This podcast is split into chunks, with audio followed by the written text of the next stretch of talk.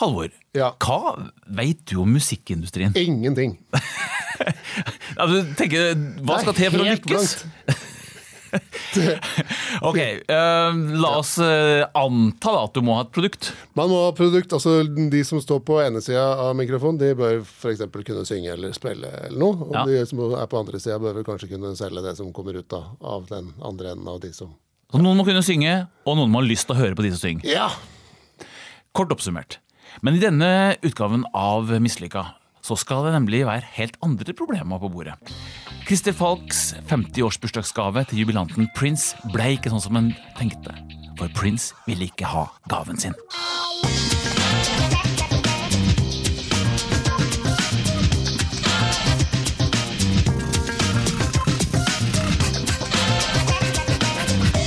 Velkommen til Mislykka, podkasten som tar for seg store og små mislykka prosjekter. Jeg heter Ole André Sivertsen, og i studio så har jeg med meg min eh, kompanjong. Jeg vet ikke om jeg skal kalle deg for motprogramleder Halvor Haukerud, eh, fra Motarbeider. Hei. Ja. Morgen. Eh, motarbeider høres jo litt sånn skummelt ut, da, men hva det er ikke det. Nei, hva skal vi si at det er? Det er eh, entusiastisk innsats i andre enden av der du ønsker effekt. For du holder foredrag for Ja, bedrifter. Det er rådgivning. Det er utradisjonell eh, rådgivning med artig effekt. Riktig. Og det er også strategien i denne podkasten. Det er jo tross alt ikke så lett å brette ut historier om ting som eh, har vært mislykka eller feil man har gjort. Men vi gjør et forsøk. Og vi skal møte folk her som har gjort et ærlig forsøk på å lykkes. Eh, Og vi skal høre historien om hvordan de landa på snørra. Gikk ned med flagget til topps. For 20 år siden, nemlig. Ganske nøyaktig òg, egentlig. Eh, så gjorde jeg personlig et ganske mislykka forsøk på å vinne reality-programmet Robinson-ekspedisjonen. Og den som vant, det var deg, Christer Falk. Det var det. Velkommen. Og du kom på hva var det for noe? Jeg, Sjetteplass? ass. jeg, jeg, jeg, tror det er sjuende eller noe sånt. Åh, Ja. ja, det var lett å slå deg, altså.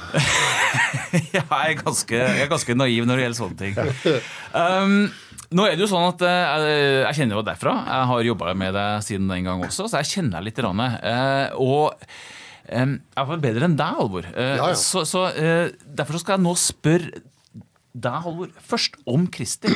Hva tenker du om han? Bare sånn Når du hører navnet Christer Falk, er han en fyr som stort sett er vant til å få til alt han prøver på? Min subjektive opplevelse er at det er en fyr som støtt lander på beina. Akkurat. ja. Sånn, eh, og det medieskapte inntrykket er Så tenker jeg sånn at ja, det her er en slags entusiastisk kyniker. Eh, sånn eh, god mot det gode, eh, hard mot de harde. eller Et Sånn, fantome, Fantome med ja. to dagers, tenker jeg. Ok, ja. Det er min analyse. Ja, Eh, og Fantomet pleier jo å få det som han vil. ja. Ja, Christer, hvordan stemmer dette her? Er du slags kulturlivets Fantome? Vi kan godt gi oss etter dette her, for jeg syns dette her var oppsummerte egentlig alt veldig bra. Så slipper vi den flaue biten som skal komme etterpå.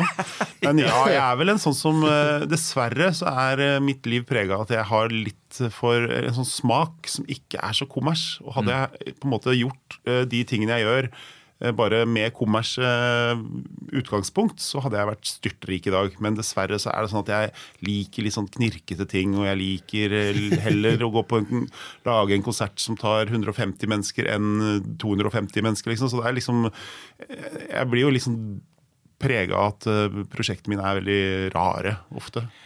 I dette programmet så skal vi ta for oss et prosjekt fra 2008 som vi må kunne si buklanda, men med en viss mediedekning. Eh, og det var vel fordi at det var involvert såpass mange profilerte mennesker, både fra innland og utland. Eh, de mest profilerte som var involvert, var jo da selveste Prince. Eh, Kan du fortelle oss bare heiseversjonen, altså sånn som du ville ha solgt inn prosjektet for noen du bare møtte og hadde ett minutt på deg i eh, 2008? En potensiell investor, liksom. Ok, Jeg er jo da en profilert eh, Prince-fan, så jeg hadde sannsynligvis hatt tilgang til de få eh, investorene som er opptatt av Prince. Så ville jeg sagt eh, vi har lyst til å lage tidenes hyllest til Prince, den største artisten gjennom alle tider. Ja. Han fyller 50 år, nå har vi ett år på oss. Og det som er målet, er å sette Norge på kartet. sørge for at Prince merker at vi har store Mye kjærlighet fra Norge, så at han ikke bare legger konsertene sine til Sverige og Danmark, som han også var, veldig vant til å gjøre. For han, Norge var liksom et sånn lite utkantland. Så da, det er jo både bærekraftig med tanke på framtidig økonomi, og så er det jo fantastisk gøy å komme nær en artist, eh, liksom ha han på armlengdes avstand, eh, og ikke minst gjøre et eller annet som han faktisk kommer til å legge merke til. For det er mange fans som gjør mange ting hele tiden.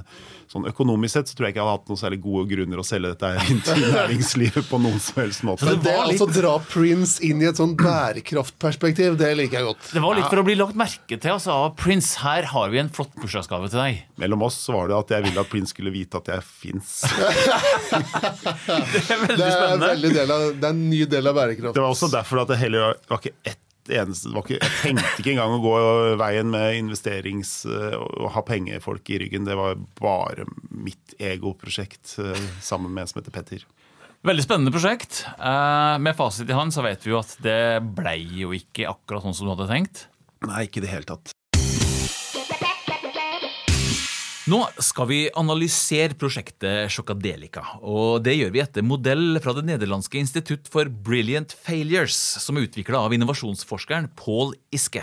For de som har lyst til å vite mer om denne modellen, så kan vi henvise til nettsidene våre. Det er mislykka.no. Det vi gjør nå, det er at vi eh, først tar for oss eh, prosjektet i eh, fem forskjellige kategorier, og de er Visjon, motivasjon, gjennomføring, risiko og ikke minst læring. Hva er det du har lært av den eh, smellen du gikk på? Og så skal vi gi det karakterer. Hver kategori får en karakter på en skala fra null til ti. Karakter null. Da burde du rett og slett ha droppa hele greiene. Ja, da, da feila du virkelig på det, Ja. denne kategorien. Kategori, karakter ti, det er tipp topp. Dette var kjempesmart, sjøl om du gikk på ratata. Og så lager vi da til slutt en eh, briljant mislykka score, og da er det jo det samme der. Altså Hvis eh, totalkarakteren din blir eh, høy, så betyr det jo at dette her var et prosjekt som var skikkelig bra, sjøl om det egentlig ikke oppnådde skal si, målsettinga. da. Ja. Får du en dårlig karakter, Så burde du kanskje ha droppa det. burde holdt seg unna. Ja, Men vi skal altså ikke, vi skal ikke dra deg ned i søla her, Christer. Uh, vi skal Vi vi heier på de som ligger og vaker i søla, og drar dem opp. Så Christer, du er i trygge hender. Takk. ja. Da starter vi med det første. Visjon. Nettopp. Christer, visjon høres jo litt sånn svulstig ut, da. Uh, Men hvis du kan si at sjokkadelika det var for å få prins til å vite om deg, var det bare det, eller var det liksom eh, noe høyere? Ja, det var nok litt høyere enn det. Så jeg hadde liksom en tanke om at nå skal vi være de gærneste av de alle. Og vi skal også levere et godt produkt som inneholder gode coverlåter.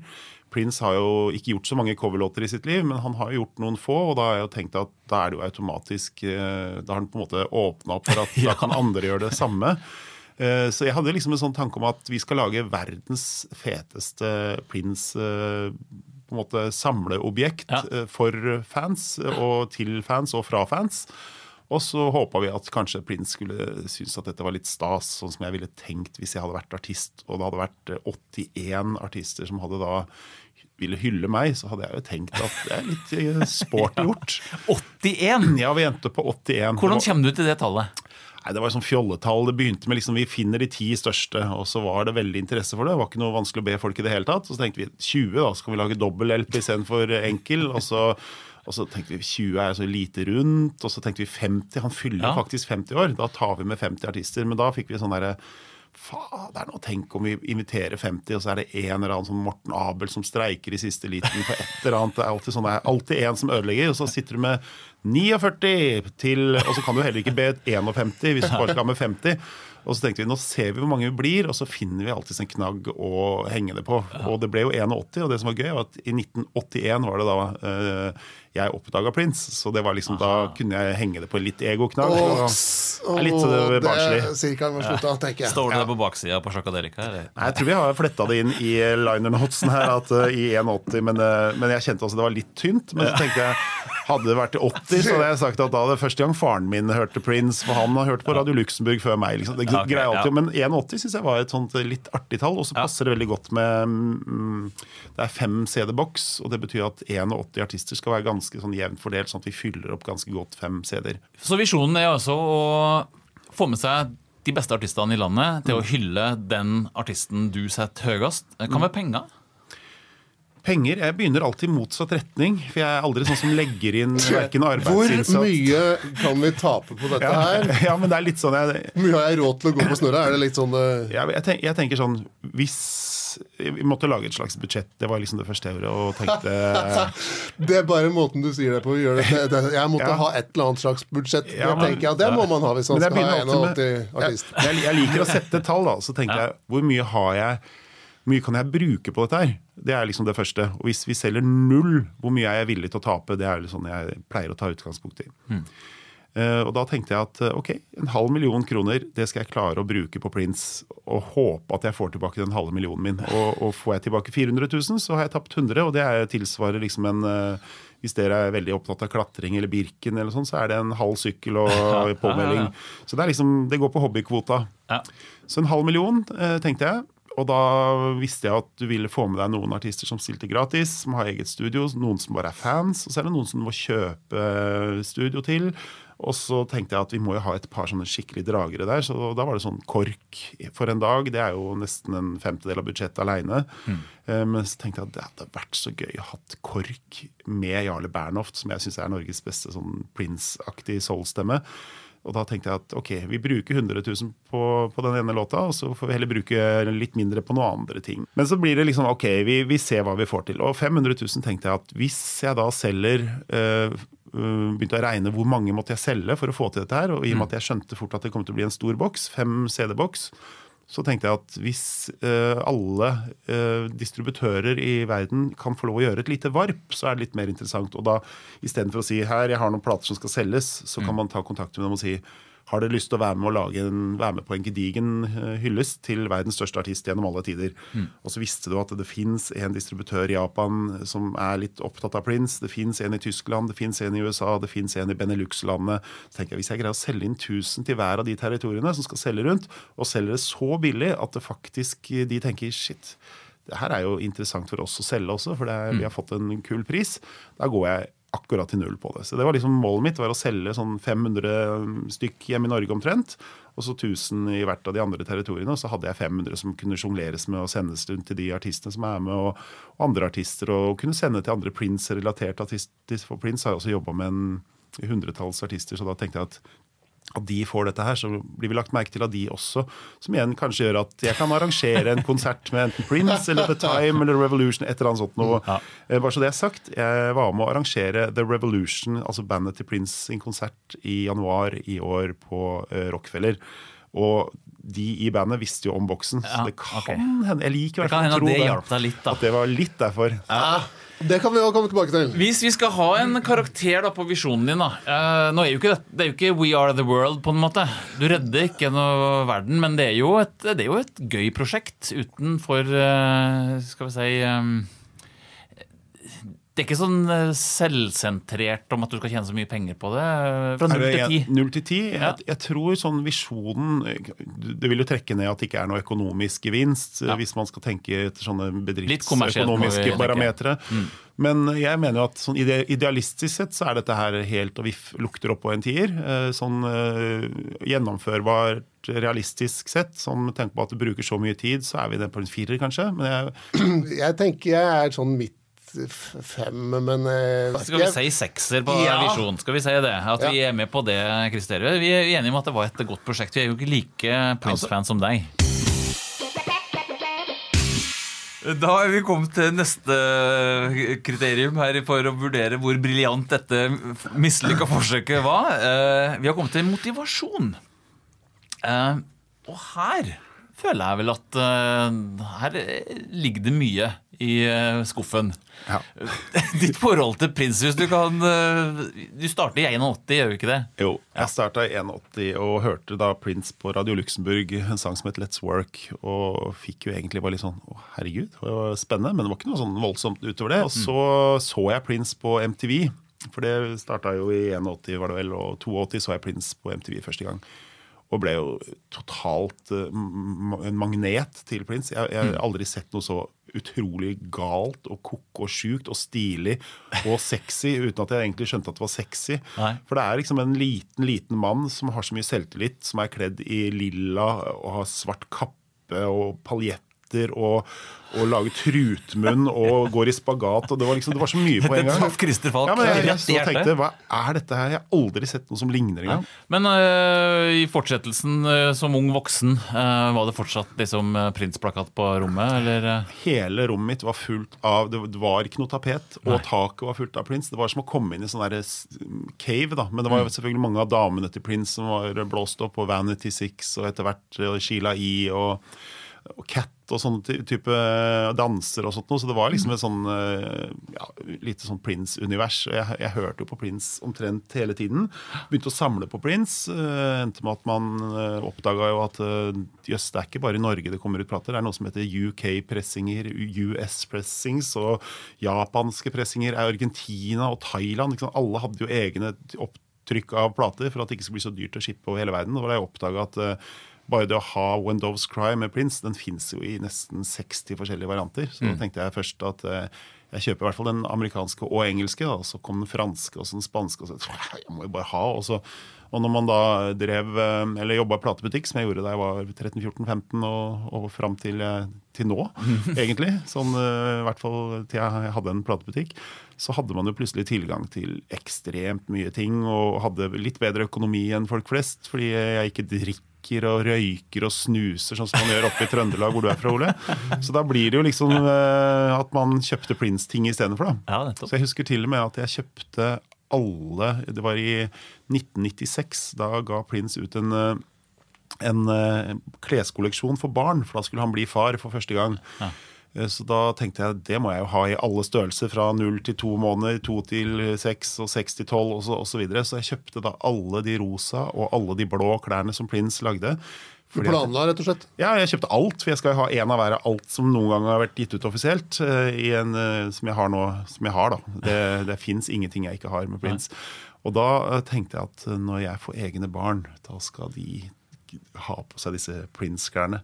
Har de hatt det? Og så fikk jeg egne barn, og så, og så, så sto den lille ungen der og dreit, og det var så ekkelt med all det barneslim og sånt. Og så tenker jeg aldri livet om, om de skal ødelegge mine Prince-stæsj. Så de ligger fortsatt i plastikk, eh, urørt, uh, som en del av samlinga, og det ble Hennes Maurits istedenfor. Du høres jo ut som en øh, vaskeekte stalker, egentlig. Har du noen gang øh, møtt Prince? Ja, flere ganger. Oh, ja. Jeg Det har ikke vært noe hyggelig. Eh, han, er ikke noe, han er ikke noe glad i første. Jeg er liksom, jeg er alt Prince ikke liker. Jeg er lang, jeg er hvit og sånn knobbete, halvfeit. eh, Og da var jeg kanskje 30 år, men han er jo kun glad i jenter. Han har Ja. aldri vært opptatt av mannlige fans. Han har alltid dyrka de kvinnelige fansene. Men ett år, i 96, så så greide jeg å lure meg inn i huset hans. Uh, Så som- som- lurer deg inn, altså sånn uten at han visste om det? ja, eller det var alle EMI-sjefene i hele verden ble invitert hjem til Prince, hvor han da skulle ha en konsert eh, hjemme i sitt eget hus for Prince-fans. Og da viste det seg at Mikke, han eh, norske sjefen, han, han skulle være forlover i et bryllup, kunne ikke stikke av. Og da han sa det til meg, at fy faen, vet du hva, jeg, i morgen Christer, så skulle jeg ha vært i Minneapolis og på Prince, for alle EMI-bosserne skal dit. Og jeg bare alle EMI-bosser, Minneapolis, bestill tur. Det var liksom en robotstemme inni meg som bare sa at jeg satt meg på et fly, og så fikk jeg vite at alle skulle da møtes på et hotell, og så skulle de kjøre en buss ut, og jeg gikk bare inn dit. Det var bare EMI-sjefer, og jeg prøvde å snakke med færrest mulig, og så sto jeg bare i, blant de fra Latvia eller noe sånt, som ingen andre gadd å prate med. Og plutselig satt jeg på bussen, og så hadde jeg visittkortet til eh, Mikke som jeg hadde stjålet på EMI, og dro inn dit. og Slapp heldigvis å vise legg, og så satt jeg der inne, og så var det bare shit. Og så var det ikke bare EMI-sjefene, men det var liksom D'Angelo, Mary J. Blige, var bare superstjerner fra hele verden. Og da husker jeg at Prince skulle da komme, og da alle sto på rad og rekke, hvor han skulle håndhilse på alle sammen. Og idet han begynner å nærme seg, og, og så kjenner jeg bare at jeg, jeg bare tenker, tenkte alt jeg kunne sagt til Prince. Alt, alle de intelligente spørsmålene som han ville bare sagt. Ah, du husker B-siden fra 1981. Bare sånne idiotiske ting inni hodet mitt. Var, og så begynte han å nærme seg, og så kjente jeg bare at jeg fikk sånn derre Det begynte å komme sånne dustelyder. Sånn der, rett og slett sånn hemma, som det heter i Drøbak. Og så strakk jeg fram hånda, som jeg så sto sånn der Mr. Bean-skjelving, og så bare sier jeg I, med sånn gryntestemme I am Norwegian. Jeg skjønte ikke, jeg kjente ikke stemmen min igjen. Og så ser han på meg da, rett opp han- mens han nesten knekker nakken, for jeg er så lang. Og så sier han 'That's good to know'. Og så går han videre. Så Det er den eneste gangen jeg har snakket med Prince. Men, men han, han så meg i øya. Og en annen gang så var det jo da en eh, jeg hadde en date som jeg inviterte skulle være sånn blind date eh, fra et annet land. Som jeg fløy til Norge, så skulle videre til Danmark for at da eh, jeg skulle ta henne med på en overraskelse. Og jeg endte opp med at eh, hun ikke visste noen ting, men jeg visste at hun var veldig Prince-fan. Så da vi da endte opp på denne konserten i Danmark, så skjønte hun bare herregud, det er Prince-konsert!' Og så hadde jeg førsteradsbilletter, for jeg var jo med i fanklubben, så jeg fikk jo veldig gode billetter. Og da så Prince henne, og likte henne veldig godt. Eh, Han la ikke merke til meg. Men hun ble dratt opp på scenen for å danse, og det endte med at eh, hun dro på scenen for å danse og var der eh, resten av kvelden. Var på show nummer to samme natt, for Prince pleier å ha først én konsert på sånn to-tre timer, og så har han gjerne en ekstra konsert på natta sånn i tre timer òg, bare for å spille, spille seg ferdig. Da sto hun og dansa på scenen da, og så kom det en stor biff av en mann bort til meg og sa Are you Christopher? Uh, no, I'm L. Doesn't matter. Uh, og så sa han navnet hennes, she's not gonna join you. She's gonna join Prince for the rest of the tour. Og da dro jeg alene hjem fra Danmark mens hun var med på resten av europaturneen til Prince og dansa live på scenen, mens jeg satt alene på hotellrommet og tenkte Var du ikke litt stolt, da? jo, men det var det jeg var.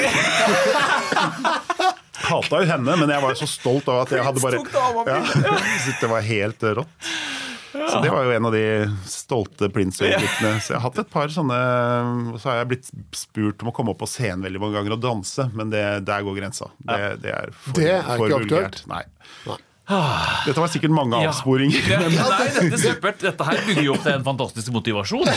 Ja, det, det ligger åpenbart noe i bånn her. Jeg håper det skårer Ja. greit på motivasjonen. Ja, vet du hva det, eh, Er det Ja. noe å diskutere? eller? Nei da, jeg synes hvis eh, Du skal få lov til å gi deg selv en motivasjonsfaktor for, at for å lykkes. Eh, Men hvis vi sier at dette her, motivasjonen din er egentlig for å Uh, At Prince skal huske The Odd Norwegian som han tok i hånda i Ja. 96. Ja. Er, det liksom, er det der vi er? Det er liksom eh, et personlig motiv. Ja, Motivasjon er egentlig bare å sette hele Musikk-Norge på kartet, og gjerne at jeg kunne være han som gikk i bresjen for det. sånn at hvis det var en sånn telefon som skulle tas fra Paisley Park i Minneapolis og takke noen, så er det veldig hyggelig hvis han ringte meg og ikke til eh, Morten Abel. Ja, det Så det var jo en, det var en litt sånn egoistisk motivasjon, men en veldig sånn hyggelig baktanke. Det Det er jo eh, indre motivasjon som ja. å ikke ligne grisen. tenker Ja. jeg, som er, det er jo en sånn ellevill indre motivasjon. Skal vi gi toppscore her, eller? Er du med på det, du, jeg, Christer? jeg tror jeg ville gitt meg ganske høyt der. Vi gir ti i motivasjon. Takk. Neste punkt vi skal inn på, da er vi eh, litt mer sånn i eh, blådressen igjen, for da er det risikoen i prosjektet. Det er jo artig, tenker jeg. Bare, altså, for dette her prosjektet foregikk i 2008. Jeg vet ikke om det ringer noen bjeller eh, eh, sånn rent eh, internasjonalt, men eh, 2008 eh, Det var ikke toppscore på økonomi Nei, verden over. Finanskrisa kom jo rullende inn, eh, så du trengte jo egentlig litt annet enn å stå opp om morgenen, så hadde du tatt risiko. Eh, sånn i, i grove trekk. Eh, enten du visste det eller ikke. Det, Så jeg må jo si at det ligger en sånn grunnrisiko i bånn. Var på to allerede på risiko. Nei, altså, hvis, du, hvis du tenker deg en i blådress du forklarer det til Du har jo allerede sagt at dette her var veldig litt sånn ja. All, ingen med blådress hadde likt dette her. Nei, du hadde fått litt sånn rynker på nesa. Alle hadde vel sagt antageligvis uh, Skal vi være med på dette her og gi deg penger for å glede noen andre? Det er vel ingen i blådress eh, som skjønner det konseptet, kanskje heller. Nei. Så sånn sett så øh, Men, men, Men økonomi har jo sagt allerede betyr ikke så mye for deg i prosjektet. Nei. Så sånn så tenker jeg at da skal vi ikke, vi, skal ikke bare snakke om det. Nei. Eh, andre ting, Du har snakka om artister som kunne trekke seg. Ja, det, det var jo på en måte Risikoen øh, var at det ble 80 istedenfor 81, men det er heller ikke noe krise sånn sett. Nei, det var nei. ikke så mye risiko egentlig i dette prosjektet her, annet enn ting jeg da, som vi kommer tilbake til, som jeg ikke kunne forutse. Men, øh, eller kunne sikkert forutsette, men øh, jeg, gjorde, jeg klarte det ikke da. Nei. Eh, risikoen var liksom Klarer jeg å selge eh, fire ganger 1000 plater av 100 kroner, så er det 400 000 kroner. Da har jeg 100 000 som jeg kan selge, eh, eller 1000 plater som jeg kan selge eller gi bort gjøre hva jeg vil med. Får jeg inn 100 000 på det, så skal jeg i utgangspunktet gå i null. For Du har sagt at det skal være 5000 plater. Det er på en måte utgangspunktet her. Det var det jeg regna meg fram til at jeg måtte få til. Og hvis jeg hadde da, jeg kunne sagt 3000 og folk måtte selge det dyrt, men da ville ikke disse distributørene tenke at de var med på et lite scoop som gjorde at da ville de sannsynligvis ikke tatt inn så mange. Så jeg gjorde det sånn som en sånn fest, egentlig. Det er som å si vi har et sånn supertilbud. Dere skal få plate, en 5-CD-boks. Kjøpe inn for 100 kroner stykk. Det er jo, Hvem er det som ikke vil være med på det? Når det er såpass spektakulært og stort. Risikoen var jo egentlig eh, Det som kan være risiko alltid, er jo at det blir feiltrykk. Det kan bli utsettelser på ting. Det kan være at noen artister som jeg gjerne ville ha med Jeg hadde jo en artist eh, som skulle spille inn en låt, som ikke rakk. Det var liksom ett uh, trøbbel. Det skulle vært 82 uh, sanger. og det, det, kunne man også hengt på en Prince-knagg, men det, ikke, det, var ikke noe mer risiko enn uh, liksom de pengene som jeg tenkte at det er jeg villig til å tape. Nei. Jeg kunne ikke gå på en sånn idiotsmell utover det, på en måte, som å bli saksøkt f.eks. Det var noe som aldri slo at man kunne risikere. Så det var liksom ganske sånn greit oversiktlig i mitt hode, denne aprildagen i 2008. For å oppsummere risiko, da. Du får ikke så veldig høy på risiko, egentlig. Eh, fordi at eh, det er jo eh, Dette er et prosjekt som egentlig virka å være på skinner. Det Trygge innspillinger, nok låter, og du hadde et distribusjonsapparat klart. Så skal vi si en, på en skala fra null til ti at du får en treer må du kanskje ha? To-tre? To, ja. ja. Tre er sikkert. I hvert fall som sagt, det, i 2008 der ligger det to i bånn. Ja, det er sant. Det. Ja, det er det. Og så er det jo det, så er det, jo det at det faktisk det er jo 500 000 risiko. Uh, det så, og selv om det er av mine private sparepenger og ikke av noen investorer, og jeg går ikke konk, for jeg hadde de 500 på bok, så da var det liksom greit. Men uh, det er nok en treer, da. Trenger i hvert fall tre. Det er jo oftest i gjennomføringa at uh, prosjekter får problemer. Og så er det også i det prosjektet her. Eh, hvis vi skal bare ta det direkte, for nå har vi jo fått hørt eh, litt om hva som var tanken, og, og også litt om gjennomføringa, egentlig. Men eh, når vi da sier at dette her ikke gikk sånn som du tenkte, Christer, hva er det egentlig som skjer?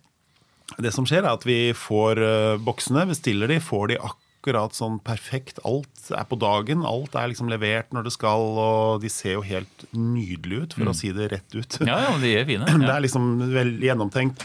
Prince har liksom purple og gold. Er liksom de uh, fargene som har vært uh, gjennomgående i Prince sitt liv.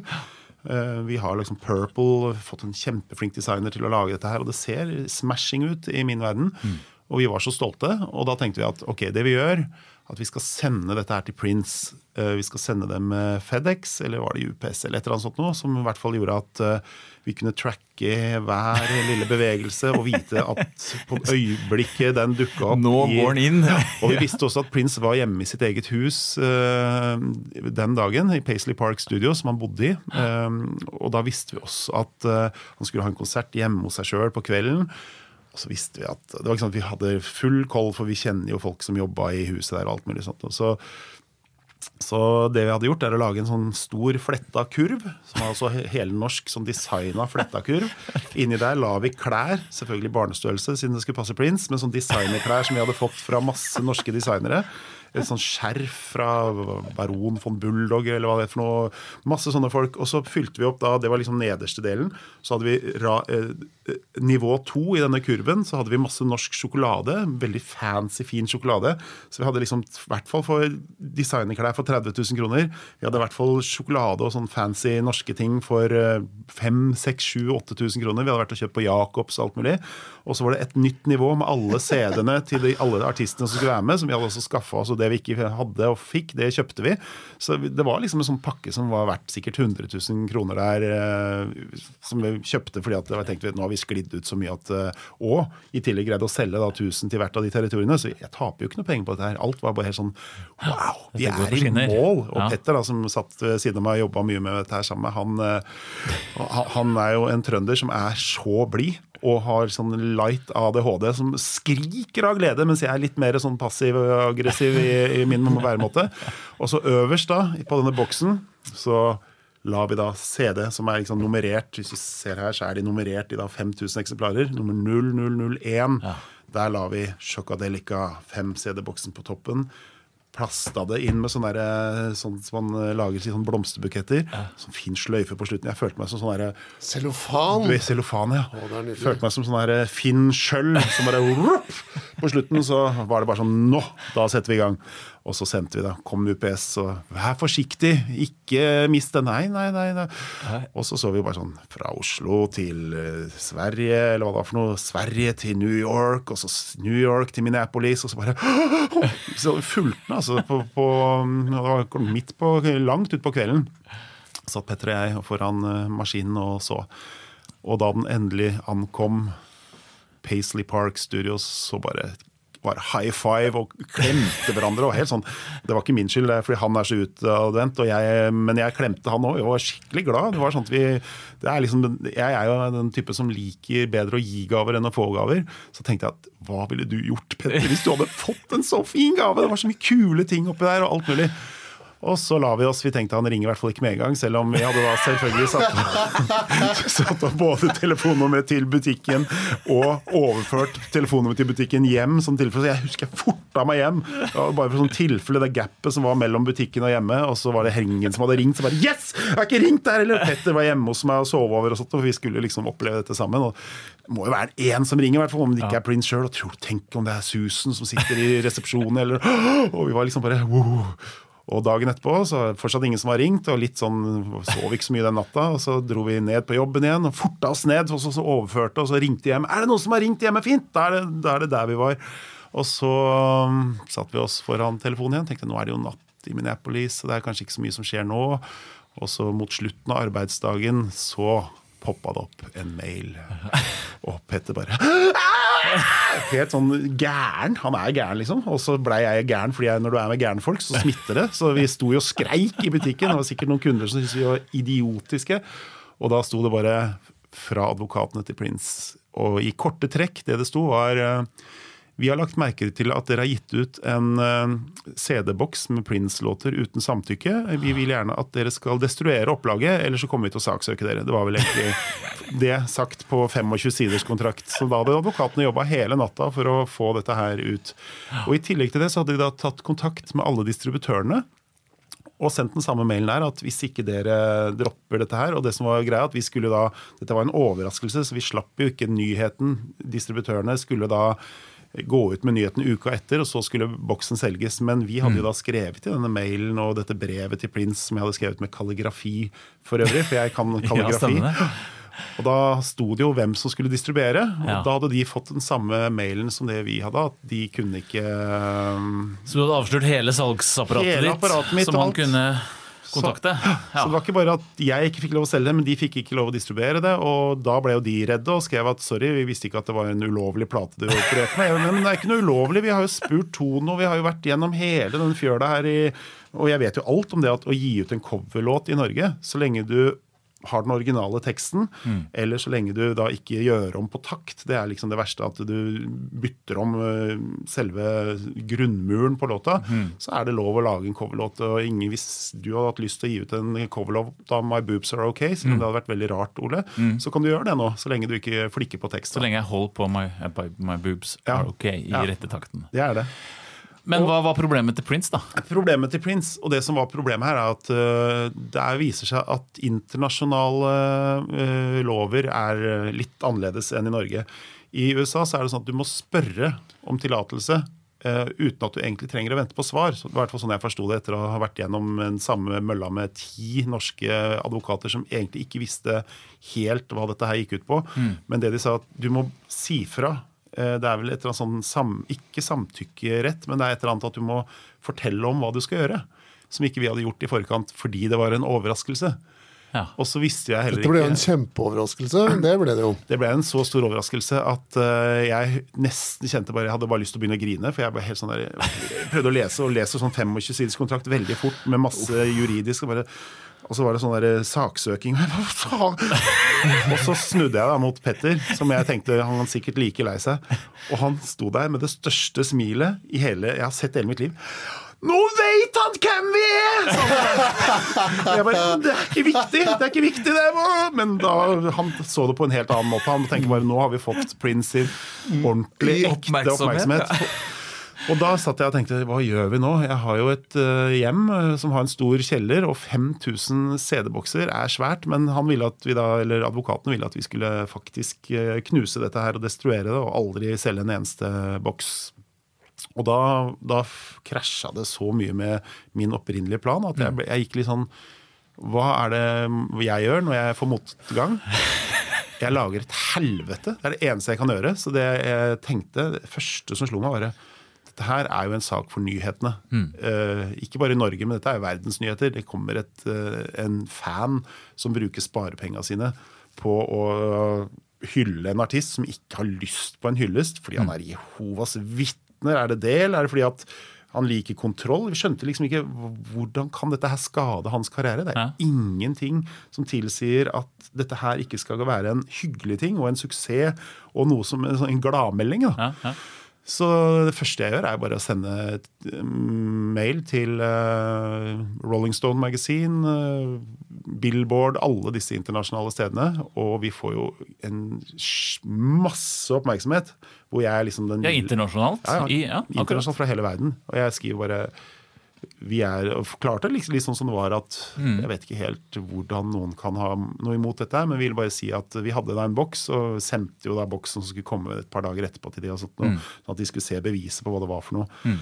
Samtidig som jeg da skrev en mail til advokatene til Prince og skrev jeg tror dere har misforstått hvis dere tror at dette her er en sånn gullgruve og at vi kommer til å tjene penger. Og så la jeg ved budsjettet, skrev, og så skrev jeg tok bilder av uh, Prince-samlinga vår og Petter og jeg som sto i hver vår sånn fattigmanns-Prince-skjorte og så litt sånn ekstra triste ut. Og, var sånn, alt var så trist. Og så sa vi at uh, det her ødelegger så mye for oss. For jeg må, hvis dere skal i tillegg uh, saksøke meg på toppen av dette her, gi den halve millionen, som jeg tror jeg skrev at var én million, som var for å overdrive litt, sånn at de skulle se at dette her er eh, ordentlig kjærlighet fra alle kanter så skrev jeg bare at eh, det jeg hadde håpa på, er at vi i hvert fall kunne selge det til våre norske fans, sånn at ikke vi ser så dumme ut. Eh, Og det gjelder jo ikke bare sånn økonomisk sett og for banken, og sånt, men det gjelder også fordi mange mange artister har brukt timer og uker av livet sitt på å mm. få min skråsikkerhet om at dette her var greit. Og da, jeg syns det var så ydmykende. da. Eh, Hei, Morten Abel. Du vet den derre Another lover hole in your head. Det viste seg at det ble, jeg kjente at jeg hadde svelga og, og kremta, og alt hadde vært så gu- gurglete i halsen at jeg bare kjente Skal jeg Du hadde fått en en sånn I'm Norwegian. ja, akkurat. Jeg hadde blitt, en ny runde med det. Å ta 81 telefoner og forklare dette her, det er så grusomt flaut. Men, ja. men da hadde jo selvfølgelig jeg allerede trykka på presseknappen over hele verden. Og vi fikk jo faktisk jeg tror vi fikk 100 internasjonale oppslag. Så skrev jeg kan vi være så snill å få lov til å selge dette her i Norge, sånn at vi bare i hvert fall pleaser fansene våre, så skal vi ikke gjøre noe sånn med distributører i utlandet. og sånt noe. Så fikk vi aldri noe svar. Vi hørte aldri noe fra dem igjen på noen som helst måte. Så etter sånn en måneds tid så tenkte jeg jeg tror kanskje de tenkte at dette her er ålreite folk, men de har ikke lyst til å gi oss tillatelse, fordi at da finner vi smutthull og selger. Så det vi gjorde var liksom å Og da kom jo dette på trykk i Billboard, eh, Rolling Stone, eh, Time Out. Det var liksom overalt hadde små og store saker om disse the, Those Norwegians, eller noe sånt. Det var et band som het det da, så vi, det var veldig sånn Those Crazy Norwegians-oppslag. Og det som var litt fint, da, var at navnet mitt sto jo der en av disse lørdagene tre-fire uker etter der hvor det hadde stått i Rolling Stone Magazine, og alt mulig sånt, da hadde vi jo sendt denne boksen til alle Prince-fans også. Eller Prince sine gamle bandmedlemmer og alt mulig. Da satt jeg hjemme og spiste pizza med eksen min, og så satt jeg med beina på bordet en lørdag kveld, og så ringer det, så bare sånn åh, 001-nummer. Jeg orker ikke, det er sikkert noen skal selge noe eller sånt. Og så bare, og så bare Hello, this is Christer. Hello, this is Matthew Fink calling. Og jeg bare Matthew Fink. Det er noe kjent. Matthew Fink. Dr. Fink! Som er da keyboardisten til Prince. Hello, Dr. Og da kom jo den engelsken min tilbake, som var eh, akkurat sånn han var i fjerde klasse. Og så Hello! Og han var bare så lei seg for dette her også. Og han hadde jo fått boksen. Og, Ja.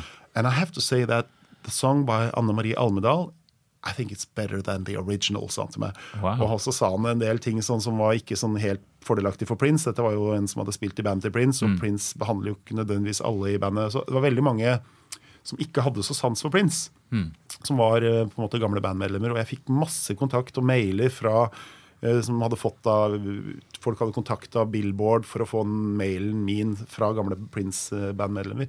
Så vi fikk sikkert sånn ti uh, tilbakemeldinger fra folk som mente at det var fantastisk fint gjort, og noen som hadde fått CD-en i posten og sendte mail tilbake. og sånn. Så, men at Dr. Fink ringer og da forteller om dette her, og har Dr. Fink da, som spiller i Revolution, som er det første bandet til Prince, hadde jo nå konsert i januar på um, Sentrum Scene. Da huska han jo dette er veldig godt og lurte på om Anne Marie Almenål var i salen. og sånt.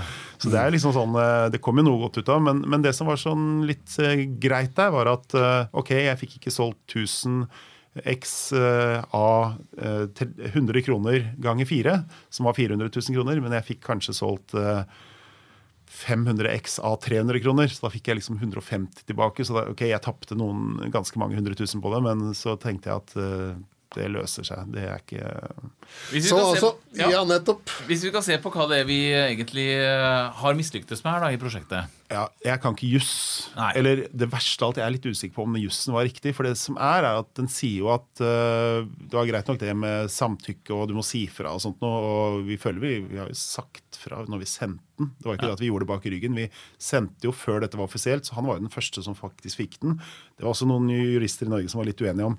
Men det som var uh, kjipt, var jo at Prince sannsynligvis ikke hadde lov til å stoppe boksen. Men han skremte disse distributørene, som gjorde at de turte i hvert fall ikke. For de orka jo ikke å sette seg inn i en 25-siders uh, Og de hadde jo ikke så mye å tjene på det heller. Altså det var, for Nei, dem så var det jo det bare et produkt ja, ja, på de, rekka. de har liksom 100 000 produkter, så Ja, det er bare ja, ja, det er en mindre. Da Da. dropper vi den. Ja. Men jeg husker jeg satt der og tenkte hva gjør jeg nå? Før jeg hadde solgt en eneste en, så var liksom mitt Da hadde jeg jo tenkt vi selger jo, Hvis jeg selger null, så har jeg tapt 500 000. Men Ja. herregud, null, går det an? Ja. Da satt jeg der etter den mailen og tenkte jeg ender med å selge null. Og det er sånn worst case scenario. Det er liksom det alle snakker om. Jeg bare Ja. Du kan i hvert fall gå litt opp fra det, da, for du trenger ikke å tenke worst case. For det blir aldri worst. Det er liksom derfor det heter worst. Kan du ikke ha- være litt realistisk i denne worst case scenarioen? case ja. Jeg syns du er veldig hard mot deg sjøl nå. Altså, for det, det, Ja. altså, du har hatt masse folk inne. Mye entusiasme i prosjektet. Det er gjennomarbeida. Det er liksom Og gjennomført bare den derre fruktkørja eh, på vei til Minneapolis, den gir jo en karakter i seg sjøl, Det- liksom. Det er liksom sånn eh, Ja, men ærlig talt Norsk fruktkurv på På vei til Minneapolis. Park. Ja. Men med masse Og- og- og- og, twist som- har dryssa Har du gjort det, liksom? tenker jeg altså, da, da er vi på et sånt presisjonsnivå. Nei, nei, og, man, og man, man tracker altså den derre cellofanen fra Vet du hva, det Se for deg trynet på Prince da når får sånn- denne fruktkorga Ja, med sånn, cellofanpakning. en, er det ei bombe, liksom? Eller, ja. Så jeg tenker at alt går sinnssvakt bra. Eh, så det er jo verdens lengste skihopp. Eh, men så er det Fall. Ja. i akkurat det, Så det blir litt sånn Og det verste er at hvis jeg hadde tatt den kampen, sa norske musikkadvokater, så hadde jeg vunnet. Men det er jo klart at da måtte jeg jo overtale disse distributørene igjen. Men Ja. det er jo det at hvis du er en advokat og sier og sender et sånn der skremselsbrev, så tømmer man ikke å, å gjøre det uansett. Og så tenk å bruke masse penger på å lese gjennom og slakte. Men jeg fikk beskjed om at jeg hadde ikke gjort noe gærent. Jeg synes at, vet du, du, vi, vi skal helt oppi der på gjennomføring, tenker jeg. Altså. Ja, jeg syns også vi skal, om ikke topp, så et par ned, kanskje. eller Ja. sånt. Vi, vi, trekker fra de, vi trekker fra de to i fallet. Ja, ok. Jeg, jeg, jeg på Hvis jeg scorer så høyt, og så ender jeg opp med å tape 500 000 Bra kroner, da, da er det noe gærent med testen deres. Dere må, dere må finne noe å trekke meg på her snart. Vi aner jo at det ligger en eh, viss grad av læring i dette prosjektet, og det er også neste punkt. Ja, har du uh, slikka sårene og fått oversikten og tenker at dette gjør jeg aldri igjen, eller hva? hva er Ja, Det er jo det første man tenker når man ja. opplever sånn. Det er at eh, å lage bursdagsfest for noen som ikke Sånn som da jeg ble 25 år, så kom faren min bort på platebutikken jeg drev, og så sa han eh, Christer, eh, kommer du bort på båten etter jobb, eller? Ja, for han hadde en sånn charterbåt som lå nede ved Oslofjorden ved Aker Brygge. Så sa jeg ja, jeg kan labbe bare over Rådhusplassen. Jeg kom bort, og så ringte han sånn time etterpå. Du kommer bort. Ja, jeg kommer etterpå, jeg, pappa. Slapp av. Og så ringte han enda en gang. Ja, da er det bare to timer til du kommer bort, da. Og så tenkte jeg hva er det du driver med nå, pappa? Jeg hater sånn surprise parties, og jeg hater alt som er overraskelser. Og hvis han hadde lyst til å gi meg en gave, så kunne han bare kommet bort hvis det ikke var en bil, liksom. Men jeg har jo ikke lappen, så hva er det som er så stort? Så da tok jeg sykkelen min, kjørte fra Aker Brygge, kjørte rundt rådhuset, stilte meg oppå festningen og så så ned, og der lå det 30 stykker i båten. Og så tenkte jeg bare jeg hater at folk skal lage sånne overraskelsesdrit for meg. Og det var heldigvis før mobiltiden. Så da sykla jeg hjem, og så låste jeg døra og satt og så på Seinfeld. og dro ut til telefonen. Ja, faren min var jo så skuffa. Han hadde samla masse venner, og vi skulle ut på fjorden og spise. Og til slutt hadde jo de dratt da uten meg. De skjønte at jeg ikke kom. Så da dro de for å feire meg mens jeg satt så Seinfeld aleine på 25-årsdagen. Men eh, jeg har jo lært da at man skal ikke feire og hylle folk som ikke vil. Så, så det er det jeg lærte. Men, men, å hylle, det er jo på en måte mm, det jeg syns er gøyest i hele verden. Så nå det var ikke mange måneder etter dette her prosjektet hvor jeg fortsatte med hyllester. Alt fra hyllest live-konserter til For du har jo fortsatt med dette her? Jeg har jo fortsatt så til de grader. Jeg gjorde et sånt idiotprosjekt her for to-tre år siden. Så da var det rett og slett Michael Krohn fra Raga Rockers som jeg syns er en hederskar. Jeg syns han er en helt fantastisk fin fyr, og syns det er så gøy at han aldri går på akkord med noen. Aldri noe som ligner på kompromiss. Så da husker jeg at uh, jeg satt og tenkte det er gøy å lage en hyllest til uh, Michael Krohn. Det høres jo ut som en økonomisk katastrofe, men det er, liksom, Nei, det er kjempekult! Koster jo penger, har ikke peiling.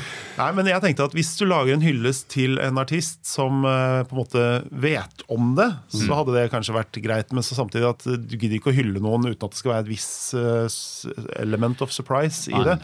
Så da gjorde jeg egentlig det samme, akkurat det samme med, med, som jeg gjorde med Prince. Jeg tok kontakt med 10, og så ble det 20, og så ble det 50, og så tenkte jeg 100, det er et rundt og fint tall. Og så tenkte jeg hvor mange sanger har egentlig Raga Rockers gitt ut? Og det har vist seg å være 137. Mm. Og da fikk jeg da 137 artister til å lage alle sangene som eh, Raga Rockers noen gang har lagd. Og jeg fikk 100 tegneserieskapere til å lage 100 tegneseriestriper med, eh, basert på Raga Rockers eh, sitt univers. Jesus. Og 100 forfattere til å lage 100 essays om eh, Michael Krohn og, og, historier. Og så fikk jeg Pushwagner til å lage coveret på boksen. Og da lagde vi en sånn gigantisk crowdfunding-pakke. Og grunnen til at det gikk så bra nå, og det var jo fordi at jeg tenkte at nå skal ikke jeg tjene noe på det. Det var liksom det samme utgangspunktet. Men jeg tenkte at hvis det er helt sikkert at jeg står fram at jeg skal ikke ha en krone for dette her, så er det også mye lettere å få med seg folk, fordi jeg sier at overskudd skal gå til Michael, som i, i da, løpet av disse tolv albumene han har sluppet, har vel halvparten av sangene handla om hvor blakk han er. Så det var jo et helt gigantomanisk eh, prosjekt som eh, også tok eh, Cellofan? Det ble ikke cellofan, men eh, det ble eh, krølla 50-lapper i en svart søppelsekk som eh, ble levert av to menn i svart dress og solbriller på døra til Michael Krohn, hvor han trodde han skulle få 30 000 og fikk vel noe sånn minst det 15-doble. Ah. Og da, da, tenkte jeg at dette var faktisk veldig veldig, veldig gøy. Men bare sånn at det er, sant, alle måler så mye suksess i kroner og øre, og det syns jeg er litt sånn banalt. Ja. Karakter? På læring. Jeg har mm. lært uh, jeg, tror ikke, jeg gadd ikke ta kontakt med noen advokater den gangen jeg gjorde Michael Krohn-boksen heller. Mm. Fordi Det kunne jo hende at han hadde, hvis han hadde gjort det, ja. så satt på slutten at Altså Det er noen uh, låter der som ikke er helt uh, Det er noen som har tatt valsetakt istedenfor fire fjerdedels, så jeg vil at den skal destrueres. Ja. Da tror jeg jeg hadde begynt å grine. ja. Så jeg har ikke lært en dritt. Så jeg vil gi meg fem.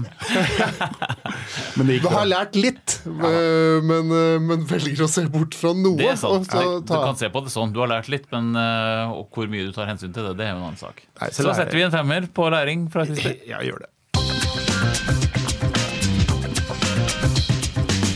Da har vi vært igjennom hele si, prosjektet, og vi har fått karakterer for alle kategorier. Vi har visjon. Karakter seks. Eh, vi har eh, motivasjon. Det er ti. På risiko. Tre. Og gjennomføringa, til tross for at det var mislykka, så får du altså Åtte. Det er ikke verst. Og læringa litt uh, motvillig der, så må vi gi deg en femmer. Jeg kan leve med det. Det gir oss totalt en briljant mislykka score på 5,9. Hva tenker du om det? Fra en skala fra én til ti? Eller Ja. er det La oss eh, gi deg litt sånn eh, Jeg har regna ut uh, f.eks. Fridtjof Nansens forsøk på å nå Nordpolen. Mm. Det gir 8,9. Det er om å gjøre å ha høyest her, eller? Det er om å gjøre å ha høyest. Jo Nei, mer er briljant er dette her. enn meg? Der ble jeg irritert. Eh, mens mitt Camp Molloy, eh, som eh, floppa fullstendig med TV3, ender på en eh, 4,57. Så sånn sett så er 5,9 slett ikke dårlig, altså. Nei, jeg kan fint leve med 5,9. Det er ganske briljant. Syns du fortjener all eh, mulig honnør for dette prosjektet, Christer? Ja, men det var hyggelig sagt. Ja, det er, og det er alvorlig ment. Ja.